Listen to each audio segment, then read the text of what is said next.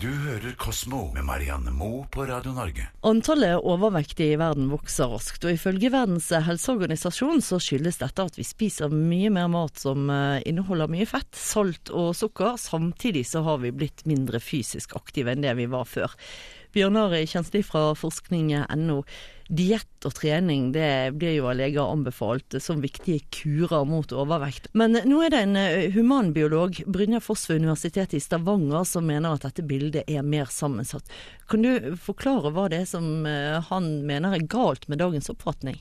Ja, det er han og en forsker ved, ved Universitetet i Stavanger eh, som har sett på stress og sammenhengen mellom det og overvekt. Og den er mye mer, at dette henger mye mer sammen enn det man har tenkt over tidligere. Det viser viser seg at, eh, at eh, man eh, blir stressa av å være overvektig, samtidig som man blir mer overvektig av å være stressa. Så dette er en ganske ond sirkel, og dette henger veldig tett sammen. Men hva slags type stress er det snakk om da? Er det, er det psykisk stress, eller er det mer at man stresser kroppen? Det er eh, begge deler. Altså, de har, det de har målt er kortisolnivået i kroppen, og det er et stoff som vi skiller ut når vi, når vi er psykisk stressa. Eh, og, eh, og, da blir vi også da fysisk stressa i kroppen pga. dette kortisolnivået, og det viser seg da at man at man da blir lettere overvektig når man har et høyt kortisolnivå i, i kroppen. Eh, vi mennesker er jo lagd litt sånn at vi tilpasser oss eh, veldig. Altså hvis vi, hvis vi, begynner å spise veldig mye mindre, så senker kroppen forbrenningen om man, om man tilpasser seg på en måte det levesettet. Men akkurat her så så er vi ikke så gode til å tilpasse oss det å spise veldig mye. Um, så når vi spiser veldig mye og blir overvektige, så blir vi stressa, så blir vi enda mer overvektige. Så her er det, uh, ifølge disse forskerne, er, er stress noe vi må, må, se nærmere på. Betyr det at en vanlig slankekur rett og slett ikke vil fungere så lenge man uh, fortsatt er stresset? Ja, det kan bety det. Og samtidig, så hvis man går på en slankekur og spiser øh, vet ikke, salatblader og knekkebrød, blir man jo fryktelig sulten. Eh, men da, da, senker man jo forbrenningen, så det hjelper jo ikke så mye som det kanskje kunne ha, hjulpet. Eh, så her er det vel en kombinasjon. Man vet jo fra før at fysisk aktivitet også er bra for psykisk helse. og har man en god oppegående psykisk helse, så man jo, er man jo også mindre stressa. Så her er det mange sammenhenger. Likevel så kan man vel trygt si at sunn mat og fysisk aktivitet fortsatt er det som gjelder, da. Men, eh, men stress er altså noe å også tenke på. Det er i hvert fall ikke galt å bryte et stressmønster hvis man eh, ønsker å få en finere figur? Nei, absolutt ikke, og man får jo en mye bedre hverdag eh, bortsett fra figuren også. Du hører Kosmo med Marianne Moe på Radio Norge. Nei, hva er dette for noe? Hva er det som har skjedd? Han stivner fullstendig i bakken opp på 3,7 der, Henrik. Ja, det var ille. Det var ille. Du kjenner helt sikkert den følelsen når du er ute og trener, at beina bare føles tyngre og tyngre og tyngre. Melkesyre i musklene, det kan være både irriterende og det kan faktisk gjøre ganske vondt.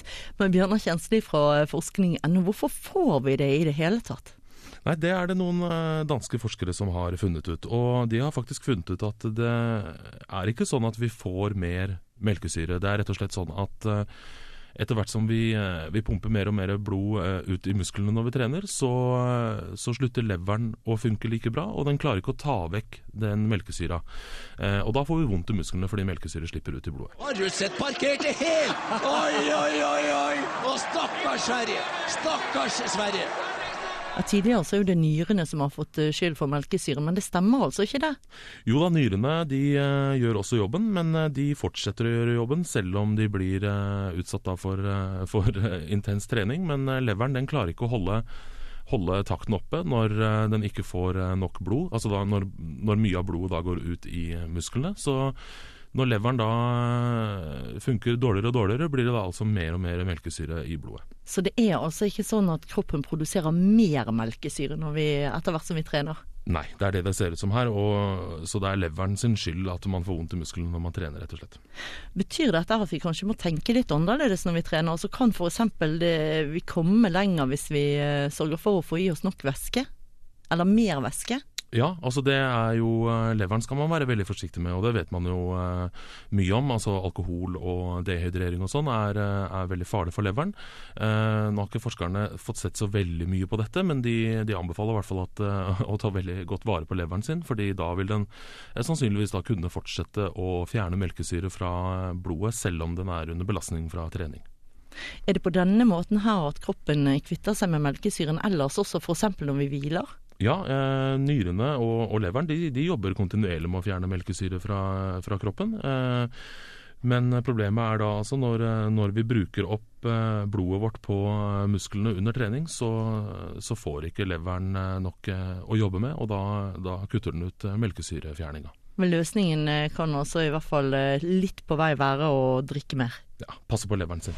Du hører Kosmo med Marianne Moe på Radio Norge. Tenk deg så herlig det hadde vært om disse ekstra kiloene bare hadde rast av uten at du behøvde å streve deg av gårde til et treningsstudio kveld etter kveld. Det høres veldig fristende ut, eh, Bjørnar Kjensli fra forskning.no, men er det særlig realistisk? De mener det. Eh, dette er danske forskere som har sett på dette her. Kan du si litt om eh, denne vidundermedisinen som gjør det mulig? Eh, det her er et hormon som skilles naturlig ut i blodet etter, etter, man har trent over en ganske lang periode. Altså etter man har trent i flere uker, så begynner kroppen å, å forbrenne bedre. og Det er et hormon som heter irisin. og Det er sånn som gjør om hvite fettceller til brune fettceller. Og Hvite fettceller det er sånne vi ikke vil ha. Eh, sånn som gjør at man blir overvektig. Mens brune fettceller det er eh, bra fett, og det er det fettet som, som kan forbrennes. Hvite fettceller er mye vanskeligere å, å, bli kvitt. Her er det altså snakk om et legemiddel som gir den samme effekten eh, som trening, da, rett og slett? Rett og slett. Dette gjelder jo bare på fettet, så du vil jo ikke få eh, store muskler av å spise dette her. men men det lurer da kroppen til å tro at du har trent masse, og da får du den effekten at, at kroppen begynner å forbrenne bedre selv. Da. Eh, så da etterligner du altså kroppens eh, naturlige prosesser. Det funker foreløpig eh, hos mus, men de regner med at det kan Altså de antar da at det er de samme prosessene som er i mennesker, så de regner med at dette her kan bli aktuelt om innen rimelig tid, som de sier, og det er mange år da i forskningens verden. Men det kan komme, ja. Men med dette vidundermiddelet da, så går man likevel ned i vekt uansett om man spiser normalt. Så man trenger ikke nødvendigvis å tenke på å spise mindre sjokolade f.eks. Ja, det er ideen. Da, for da vil, eh, da vil, det fettet som vanligvis gjør at du da blir tjukk, det vil bli eh, brunt, og det vil forbrenne seg selv. Så det er jo litt av en vidundermedisin. Så, så peker forskerne på noen eh, problemer med dette her. La oss si vi begynner å å spise sånne piller og, og, blir tynne av oss selv, så betyr jo det at vi også kan spise mye mer mat, og det er jo ikke akkurat så bra for uh, eh, verken oss eller uh, for miljøet rundt oss. Nå finnes det jo eh, en rekke slankepiller på markedet i dag, men så vidt jeg forstår så, så er det mange av de som har prøvd, de som har opplevd å få ubehagelige bivirkninger. Hvordan vil et sånt preparat som dette være? Er det sikrere i og med det at det bygger på et hormon som finnes naturlig i kroppen? Det er det forskerne tror, ja. At, eh, at, dette her, hvis det blir for mye av dette i kroppen, så løser, eh, løser kroppen det selv og, og, rett og slett kvitter seg med det og skiller det ut. Eh, så det er fordelen med, med, hormoner. Men hormoner er jo også skummelt, så det, er jo, det kan gjøre mye med, mye med det. Og det kan jo påvirke ikke bare eh, fettceller, men hvis det påvirker andre typer celler osv. Så, videre, så her er det viktig å gjøre omfattende forskning før dette kommer i apotekhyllene.